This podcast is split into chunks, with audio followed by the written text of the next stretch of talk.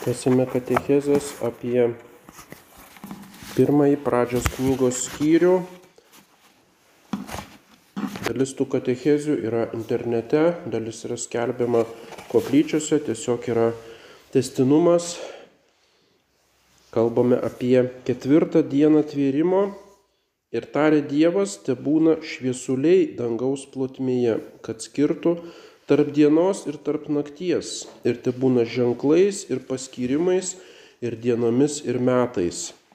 Te būna šviesuliai, tame tvėrimo žodyje net neminima, net neišvardinama, kad tai Saulė, Menulis ir žvaigždės, o tiesiog sakoma meorot hebrajiškai iš maor, tai yra šviesulys arba tiesiog lempa arba žibintas Tai yra specialiai Mozės apologetinis tikslas, galima sakyti, pažeminti tiems dangaus kūnams, kuriuos pagonys, babiloniečiai, egiptiečiai ir kiti garbino kaip kažkokias gyvybės ir kurios lemia žmonių likimus, valdo kosmosą ir taip toliau. Nesako Mozė, tai nėra jokios gyvybės ir nėra jokios galios, o paprasčiausi Dievo tvariniai ir jie yra tiesiog kaip lemputės įsuktos danguje, skirtos šviesti ir viskas grinai e, tokia fun funkcija, paprasta funkcija, kad skirtų tarp dienos ir tarp nakties ir te būna ženklais ir paskyrimais ir dienomis ir metais. Kas tai yra ženklais? Pirmiausia, te būna ženklais, leotot iš ot. Ot yra plačiausia prasme tam tikras ženklas. Ir kai kas sako, kad tai yra astrologiniai ženklai, kurie nusako tam tikrus dalykus Dievo valią. Tačiau būtent e, šventasis raštas daugelį vietų kovoja prieš astrologiją, pasisako prieš astrologinį mąstymą. Jeremijas 10 skyrius, nemėgdžiokite tautų kelio, Nenogastaukite dėl ženklų dangaus kliaute, nors dėl jų tautos ir nuogastauja. Reiškia, nežiūrėkite į tuos e, dalykus e, dangoje, o žiūrėkite į Dievo valią. Tačiau e, tam tikras, toks galima sakyti, astrologijos įtaka mes matome. Tai yra Balamo pranašystė, skaičių knyga 24 skyrius, žvaigždė patekės iš Jokūbo, skeptras pakils ir iš Izraelio. Ir bažnyčios tėvai šitai aiškina, kad ta žvaigždė iš Jokūbo tai yra pats Kristus. Lygiai kaip jis yra skeptras iš Izraelio, reiškia tam tikra karališka mesijo žvaigždė. Ir būtent išsipildymas to žvaigždės ir Jokūbo pasirodymas, kaip žinome, tai yra išminčiams arba magams iš rytų. Mato Evangelija antras skyrius, Jėzui gimus, erodidinomis atkeliavo išminčiai iš rytų arba graikiškai magoj, maga, magai, o magai tai būtent e, yra Persijos e, e, religijos atstovai, kurie užsimdavo astrologiją. Jie žiūrėjo į žvaigždės ir pamatė tam tikrą konsteliaciją žydų žvaigždės su karališka žvaigždė, reiškia dangaus kūnai arba natūralūs reiškiniai jiems apreiškė Mesiją, taip kaip ant gamtiniai reiškiniai, tai yra angelų apsireiškimas, apreiškė Mesiją žydų piemenims. Toks yra skirtumas Dievo apreiškimo pagonėms ir žydams. Žydams apsireiškia angelai, o pagonėms išminčiams pasirodo žvaigždės. Ir tada jie atvykę klausinėja, kur yra gimusis žydų karalius, reiškia ta žvaigždė iš Jokūbo. Jokūbas tai yra Izraelis ir žvaigždė yra jo karališkumo ženklas. Mes matėme užtekant jo žvaigždę ir atvykome jo pagarbinti. Ir štai žvaigždė, kurią jie buvo matę užtekant, traukė pirmą, kol sustojo ties ta vieta, kur buvo kūdikis. Išvykę žvaigždę, jie be galo džiaugiasi. Labai keista. Neišvykę kūdikį jie labai džiaugiasi, nes tas kūdikis paprasčiausiai jis gulėjo iščios, e, ėdžiose, e, nieko jisai neišsiskyrė iš kitų, o išvykę žvaigždę jie be galo džiaugiasi. Reiškia, ta žvaigždė jiems buvo ženklas, kad tas paprastas kūdikėlis būtent ir yra ta žvaigždė iš Jokūbo, tas išpranašautas mesijas. E, tikriausiai tai nebuvo tam tikra natūrali konsteliacija, o vis dėlto tai buvo stebuklinga, ypatinga žvaigždė. Reiškia, pats Dievas pasinaudojo tame apreiškime pagonėms, e, pasinaudojo žvaigždžių kaip ženklų stebėjimu. Kita galima prasmė to žodžio ženklas tai yra omen. Omen lotyniškai reiškia ypatingas tam tikras įvykis gamtoje arba danguje, kuris e, pranašau kelia baimę ir pranašauja tam tikras negandas. Tarkim, saulės užtemimai, kaip skaitome Izaijo 7 skyriuje arba kaip skaitome apie apokaliptinius tuos ženklus danguje, tai yra Dievo galybės ženklai. 65 psalme tavo nuostabus ženklai kelia žemės pakraščių gyventojams baimę tavo darbai neša saulėtikių ir saulėlydžio šalims džiaugsmo šūksmus. Reiškia tie ženklai, kurios stebėdavo taip pat ir pagonis ir žydai, e, nurodo, kad Dievas baus žmonės arba Dievas apdovanos pergalės ženklas ir taip toliau. Toliau paskyrimais. Moed iš Jaat reiškia paskirti, nustatyti kažką tai. E, tai gali būti tiesiog mm, tam tikras laikas paskirtas tam tikram darbui. Laikmečiai, keturi metų laikai, darbymečiai, Ozėjo antras skyrius, todėl atsimsiu savo grūdus laikui atėjus ir savo vyną jo metui atėjus. Tai yra paskirti tam tikri laikai, reguliarūs įvykiai danguje, priešingai negu tie ženklai arba tokie ypatingi įvykiai. Taigi gali būti, kad toje eilutėje būtent skiriama te būna ženklais ir paskyrimais ir dienomis ir metais. Reiškia, ženklais tai yra tokie ekstraordinariniai arba ypatingi ženklai, kurios rodo šviesuliai, o paskyrimai dienos ir metai reiškia, tai yra reguliarus laiko tikėjimas, pagal kurį e, matuojami e, darbymečiai, nustatoma, kada kokie darbai ir taip pat, kurie reguliuoja e, švenčių tikslus, švenčių momentus, kada ateis tam tikros religinės šventės. Reiškia, tie dangaus šviesuliai taip pat turi kultinę arba religinę reikšmę, žvelgdami į juos, žvelgiant į juos bus nustatomos įvairios šventės. Taip kaip ir bažnyčios kalendorijoje, Velykos, Mm, e, įvairios kitos šventės yra nustatomos būtent pagal e, e, stebint dangų, pagal Saulės ir Menulio judėjimą. Ir štai keista, kad kalbant apie laikus ir laikų nustatymus, kas neminima, neminimos savaitės, septynių dienų savaitės, o juk savaitė tai yra esminis elementas tame pirmame pradžios knygos skyriuje Kodėl? Todėl, kad savaitė yra Dievo laikas. Jis nepriklauso nei nuo Saulės, nei nuo Minulio judėjimo. Tai yra tiesiog skaičiuojama kas septynias dienas. Jis nepriklauso nuo mėnesio ir nepriklauso nuo metų, nepriklauso nuo šitų šviesulių reguliavimo.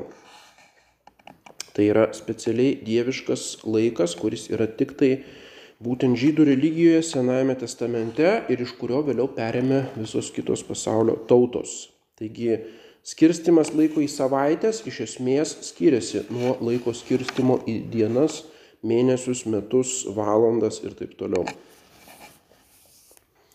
Ir te būna šviesuliais dangaus plotmėje, kad duotų šviestą ant žemės ir buvo taip. Taigi vis dėlto pagrindinė šviesulių funkcija, kad duotų šviesą žemėje kad apšviestų žemę, kad žmonės matytų, e, regėtų visą tvarinyje ir galėtų funkcionuoti kaip protingos būtybės. Taigi tie šviesuliai nėra dievybės lemiančios e, mūsų likimus, bet yra tiesiog apšvietimas.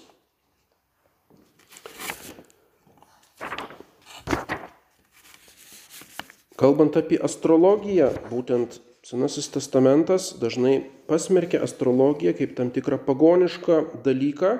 Viską lemia Dievas ir Dievo apvaizda, o ne kažkokie šviesuliai ar dangaus kūnai.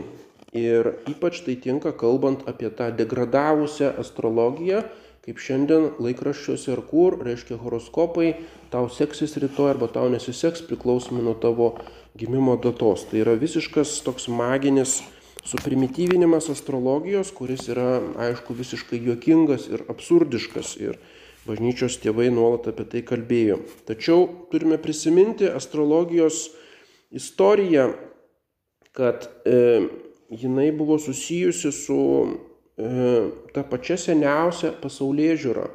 Kai įvyko neolito revoliucija, žmonės ėmė sėsliai gyventi, dirbti žemę, prijaukino gyvulius, atsirado reguliarus gyvenimas ir paskui prie didžiųjų upių atsirado pirmosios civilizacijos. Taigi matome Šumero civilizaciją, Babilonijos, Egipto, matome senovės Kinijos, taip pat prie upių civilizacijos ir visos kitos. Ir štai visose tose civilizacijose maždaug panašių laikų atsirado astrologija. Kodėl taip yra?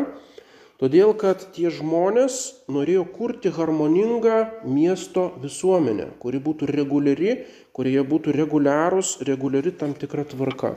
Ir šitą matematišką tokį reguliarumą jie matė virš savęs danguje. Ir todėl visose tose tautose dangaus šviesuliai matome kaip, kaip tam tikra politinė bendruomenė, reiškia kaip tam tikras dangaus dvaras, kuriame šviesuliai reguliariai pagal tam tikrus įstatymus funkcionuoja, yra hierarchiškai pasiskirstę.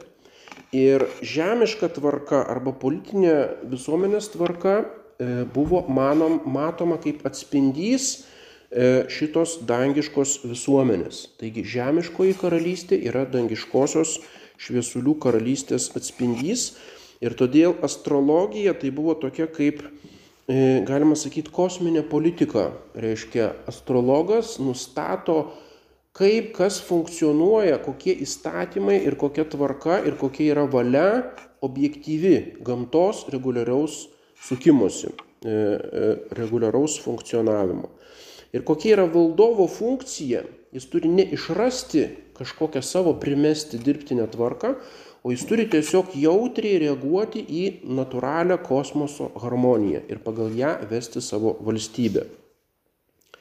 Taigi horoskopai būdavo sudaromi tik tai valdovams. Reiškia, kada valdovas turi imtis kažkokių tai žygių, kada jis, kaip jisai turi skirstyti savo provincijas, reiškia savo E, tam tikrus išteklius, kada jis turi eiti į karą, o kada sudaryti taiką. Visi šitie dalykai yra ne savavališkas žmonių sprendimas, bet buvo manoma, kad tai yra prisitaikymas prie objektyvios pasaulio tvarkos, kuri būtent matoma e, šituose šviesuliuose. Ir reiškia, tų šviesulių poveikis e, tai žemiškai politiniai tvarkai ir net gamtiniai tvarkai yra geometrinis. Reiškia, tas poveikis nėra taip, kaip dabar įsivaizduojam, kad šviesuliai kažkokius spindulius ar kažkokią fizikinę įtaką turi, bet tai yra nuo jų geometrinės padėties. Reiškia, viską lemia geometrija ir skaičiai, reiškia, atskleidžia tą tvarką. Tai jeigu šitaip įsivaizduojame, mes galime suprasti astrologijos tokią giluminę prasme, kokią jinai turėjo pagoniškame pasaulyje. Ir būtent šitas žydų šventasis raštas, kuris sako, ne, visą šitą lemia ne geometriniai kažkokie apskaičiavimai šviesulių, o viską lemia Dievo valia, Dievo apvaizda. Tai buvo milžiniška revoliucija. Reiškia, tai yra nebe asmenė kažkokia tiksli geometrinė tvarka, kaip kažkoks mechanizmas, kurį reikia suprasti ir prie jo prisitaikyti, bet yra Dievo, gyvo Dievo, reiškia mylinčio tėvo valia, kuris visus dalykus lemia. Tai buvo tikrai revoliucinis mąstymas ir būtent tai iš pagrindų pakirto tą tūkstančius metų gyvuojančią tradiciją. Tačiau ta tradicija vis dėlto neišnyko, šita politinė astrologija jinai tęsiasi per šimtmečius iki pat viduramžių ir net renesanso laikų, iki pat naujųjų laikų. Visi krikščioniški valdovai, visi karaliai, baigiant šitais baroko laikų monarchais Prancūzijos, Vokietijos, jie visi turėjo savo dvaro astrologus ir astrologija turėjo didelę politinę reikšmę visais laikais. Ir taip pat bažnyčios tėvai užsiminėdavo šito, ypač šventasis Albertas, jis buvo žymus astrologas ir daug kitų ir šventųjų ir žymių teologų, reiškia tasai mąstymas toliau gyvavo.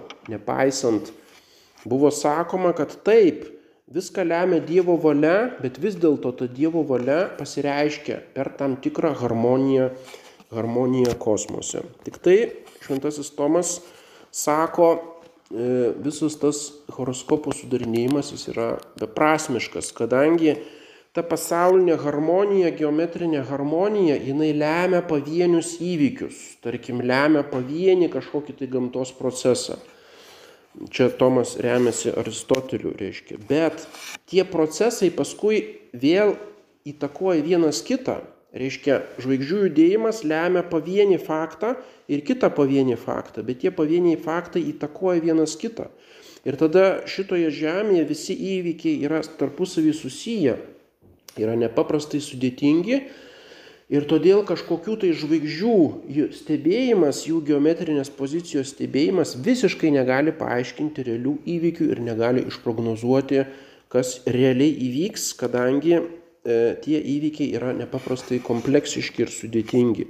Taip jau e, bandė iš mokslinio punkto, galima sakyti, Tomas nuvainikuoti astrologijos įtaką. Nepaisant visų šitų argumentų, būtent Astrologija gyvavo kaip politikos dalis ir paskui išpopuliarėjo kaip tokia pago, pagoniška tokia magija, būtent taip pat liaudyje.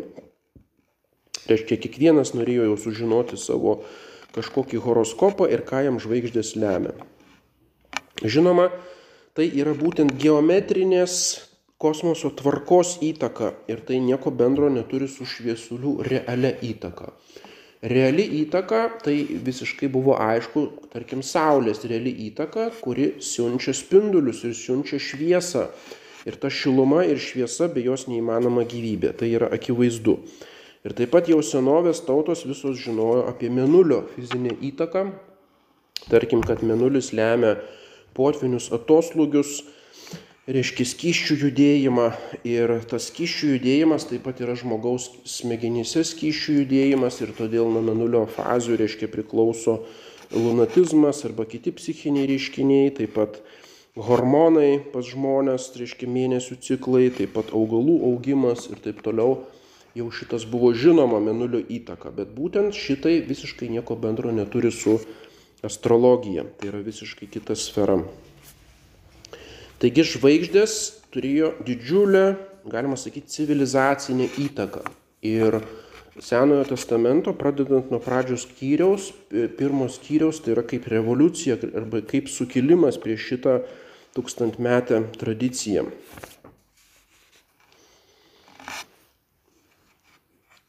Ir padarė Dievas du didelius šviesulius. Didelį šviesulį dienos valdymui ir mažą šviesulį nakties valdymui ir žvaigždės.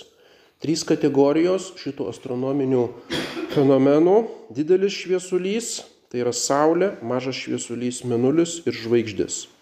Reiškia, Mozė visiškai nesigilina į astronomiją, jis neskiria, kaip dabar mes, e, tūkstančių įvairiausių kosminių fenomenų, galaktikos, kometos, astrolo, asteroidai, tarkim, planetos. Nėra pas žydus planetos savokos. Planeta e, reiškia klajojanti žvaigždė.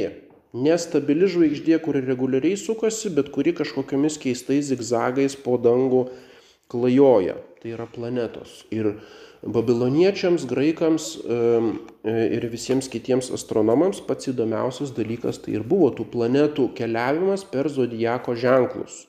O štai žydai net neturi tokio planetos savokos, jiems tas visiškai neįdomu. Tarkim, Venera arba aušrinė jie tiesiog priskiria prie žvaigždžių, nors tai yra planeta. Ir mm, jau apie tai kalbėjome, kad e, aušrinė siejama su Lucifer. Lucifer reiškia šviesos nešėjas. E, Jobo 38 skyrius rytmetinės žvaigždės, reiškia kalba apie rytmetinę žvaigždę. 110 psalmė, tu buvai karališkai orus nuo savo gimimo dienos, šventoji garbė lydėjo tave nuo iššių, nuo tavo jaunystės aušros. Reiškia karališka galybė arba į panaši į Dievo galybę siejama su aušrine.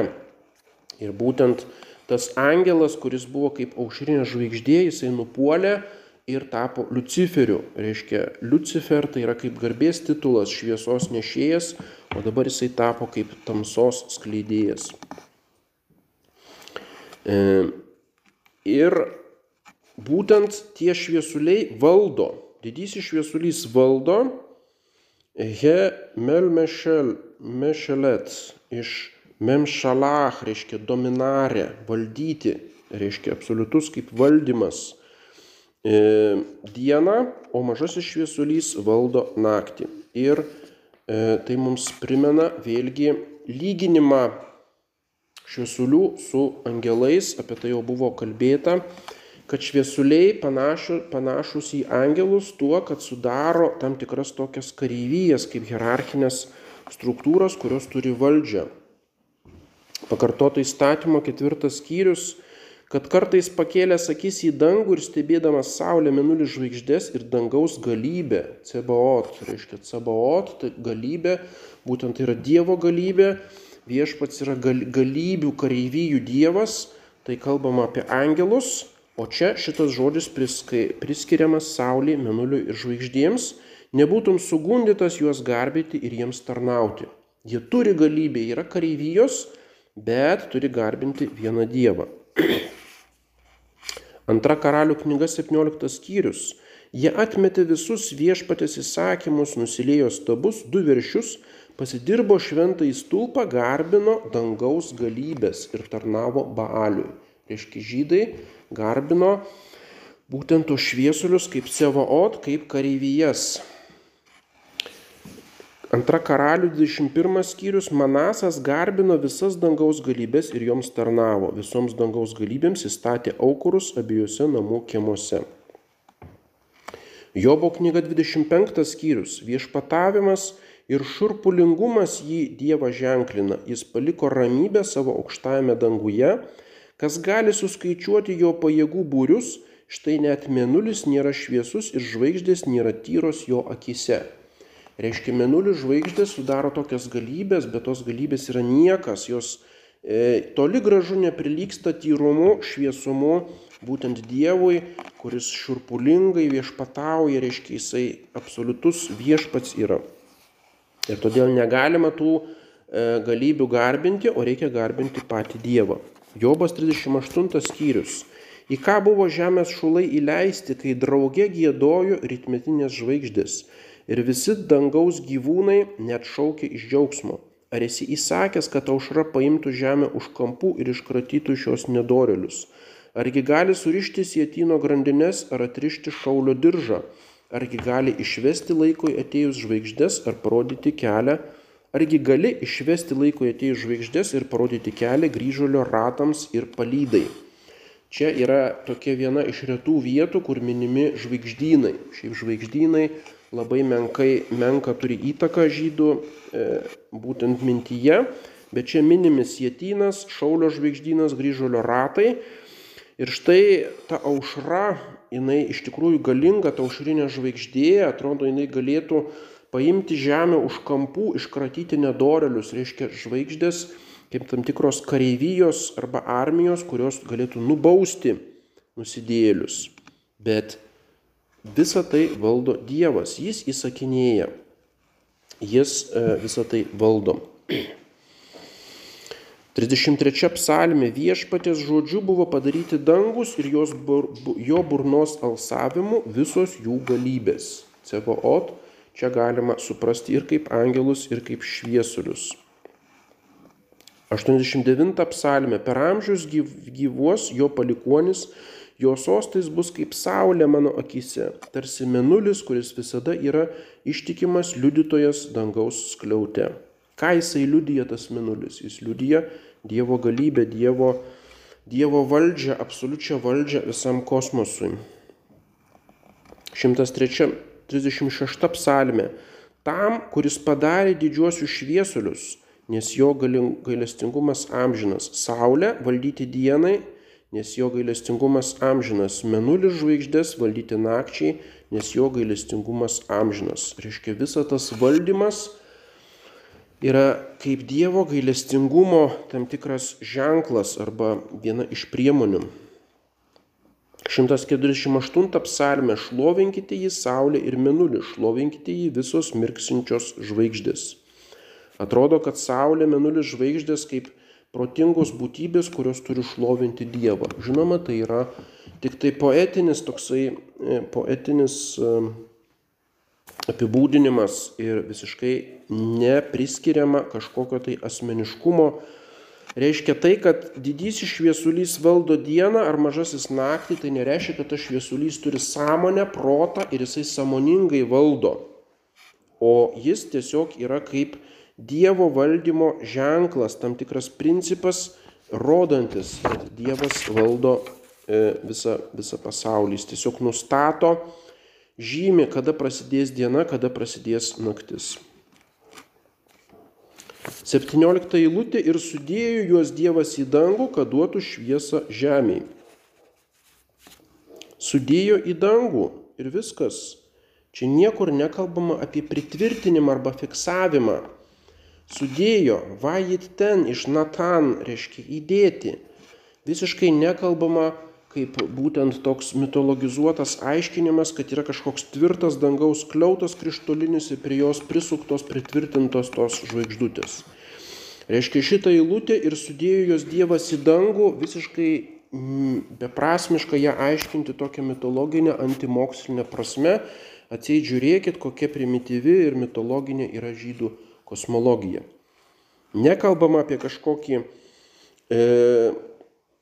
pritvirtinimą, o tiesiog yra su, sudėliojimas arba sukomponavimas tų šviesulių dangu, danguje, taip kad jos yra tvirtai, jos matomos tam tikrose fiksuotose reguliariose vietose ir viskas. Ir visiškai nėra jokio reikalo įpaišyti į švento rašto tekstą kažkokį tai būtent antimokslinį aiškinimą. Taigi tie šviesuliai tik tai administruoja laiko tiekmę, jie ne faktiškai valdo laiko įvykius, visą tai, kas įvyksta per laiką, žmonių likimus arba valstybių likimus, o jie tik tai administruoja, nustato, kada bus e, diena, kada bus naktis, kada e, reiškia įvyks, e, e, bus tam tikras laikas religinėms, religinėms šventėms.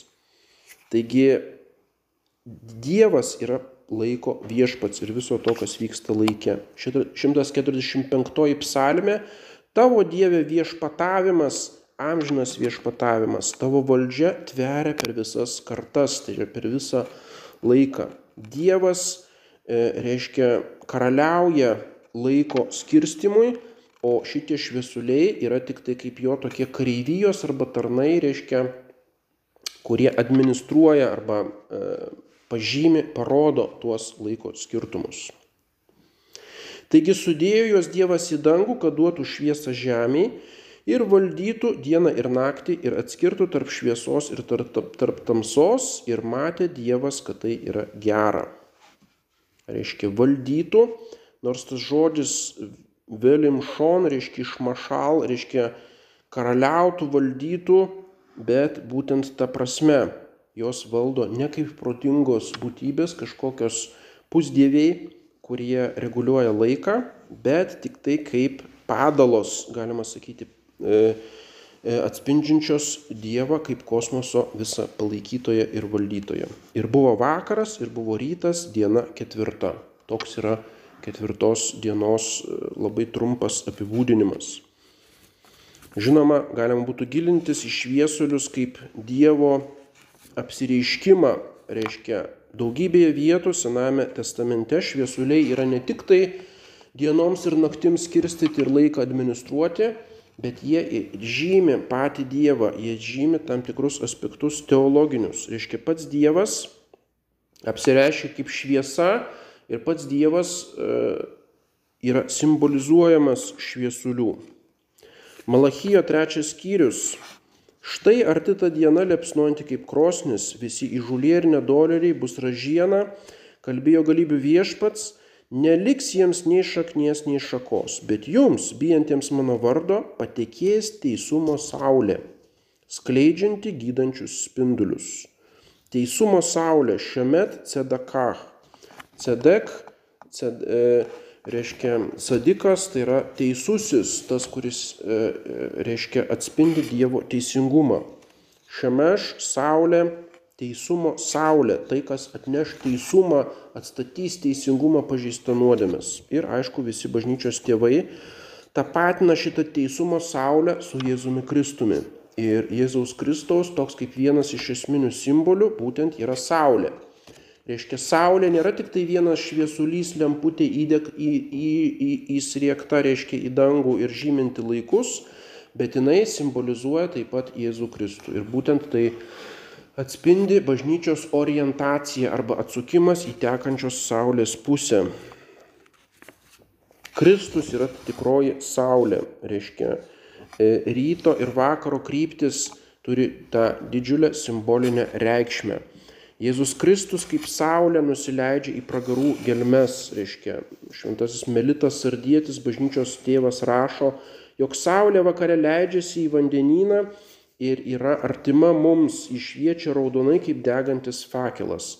Tačiau šaltame vandenyje neužgesta, išsimauda paslaptingose gelmėse, pasistiprina, apsivaliusi, sutrauko nakties pančius ir atneša mums dieną. Ir taip ir Kristus tikroji saulė per mirtį ir kančią nusileidžia į gelmes, kad mirusius ir gyvuosius krikšto malonę pakeltų į dangų. Reiškia tas Kristaus nužengimas į pragarus ir paskui Kristaus įžengimas į dangų per šeštines reiškia Melitui Sardiečiui primena tą Saulės ciklą, e, Saulės nusileidimą patikėjimą. Po kiekvieno saulės nusileidimo saulė vėl pateka iš rytų pusės ir sunaikina mi, mi, naktį išsklaido tamsybės. Klemensas Aleksandrietis rašo, jog mirties tamsybėse palaidotiems nušvito iš dangaus šviesa tyresnė nei saulė. Ir kas tik yra šitoje šviesoje, tas gyvena. Saulės nusileidimas e, reiškia yra lydimas saulės patikėjimo. Reiškia tai. E, Kristaus mirtis, Kristaus prisikėlimas vėlgi susijęjama su Saulės e, ciklu. Naktis pasitraukia, viskas prisipildo neužgestančios šviesos, ta naujoji tvarinyje.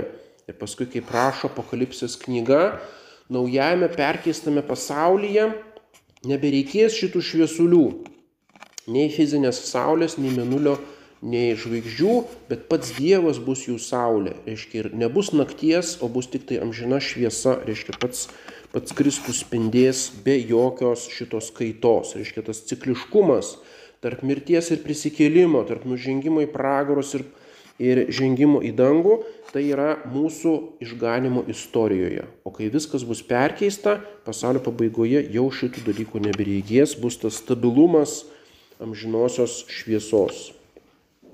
Vėl Klemensas Aleksandrietis rašo, pabusk iš miego, pakilk iš mirties ir apšviestave Kristus viešpats, prisikėlimo saulė, pagimdytas prieš patekant ryto žvaigždį, kuris savo spindėjimu teikia gyvybę. Taigi krikščionis turi pats pabusti iš miego, jis turi atsigręžti į Kristų saulę ir būtent e, vaikščioti jos šviesoje. Kristus yra lyginamas su saulė ir taip pat siejamas su aušros žvaigžde. Reiškia, jis yra šviesos nešėjas, graikiškai fosforos, reiškia tas e, cheminis elementas fosforas būtent iš aušrinės žvaigždės, tai yra šviesos nešėjas. Reiškia, graikiškai yra fosforos, o latiniškai yra lucifer, reiškia šviesos nešėjas. Reiškia, tasai puolęs angelas, jis yra kaip uzurpatorius šito titulo aušros žvaigždė arba lucifer, o tikrasis lucifer tai yra Jėzus Kristus kaip tikroji aušros žvaigždė. Reiškia, šetonas bus nutrenktas, tas Luciferis bus nutrenktas į pragarus ir tada tą šviesą neš Jėzus Kristus. Ir taip jį vadina, Lucifer vadina antrasis Petro laiškas, pirmas skyrius, taip pat Hipolitas Romietis, Cezarijus Arlietis ir kiti šventieji. Cezarijus rašo, Kristau, kuris esi šviesa ir diena, tu išsklaidai nakties šešėlius, šviesos nešėjau, Lucifer, kuris šviesą atnešė palaimintos šviesos žadėtojų ir taip toliau. Reiškia, velnės arba šetonas tik tai uzurpavo tą Luciferio titulą. Ir būtent mes apie tai girdime Velykų prekonijoje, reiškia Velyknakčio ta giesmė, kada diakonas gėda šventinant Velykinę žvakę, egzultant toje giesmėje, būtent Jėzus Kristus, jam priskiriamas šitas titulas Lucifer. Ir iš šitos Kristaus šviesos reiškia gimsta nauja kūrinyje, ta, ta šviesa e, reiškia atneša naują gyvybę, tikrą, tikrą pažinimą. O menulis yra siejamas su mergelė Marija, tai yra jos apokaliptinės moters tasai atvaizdas, menulis po jos kojomis ir taip pat menulis siejamas su bažnyčia, kuri gauna šviesą iš Kristaus. Reiškia taip kaip menulis, visa jo šviesa tai yra atspindėjimas Saulės šviesos, taip ir bažnyčios mokymo arba bažnyčios vedimo visa šviesa yra tik tai šita, kurią jinai gauna iš Kristaus kaip saulės. Reiškia, pati bažnyčia iš savęs nieko negali duoti.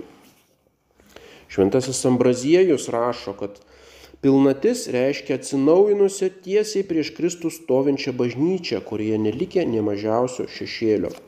Oregenas rašo, jog bažnyčia kaip menulis susivienė su Kristumi kaip saulė, jame paskesta ir tuo dovanoja tikintiesiems gyvybę.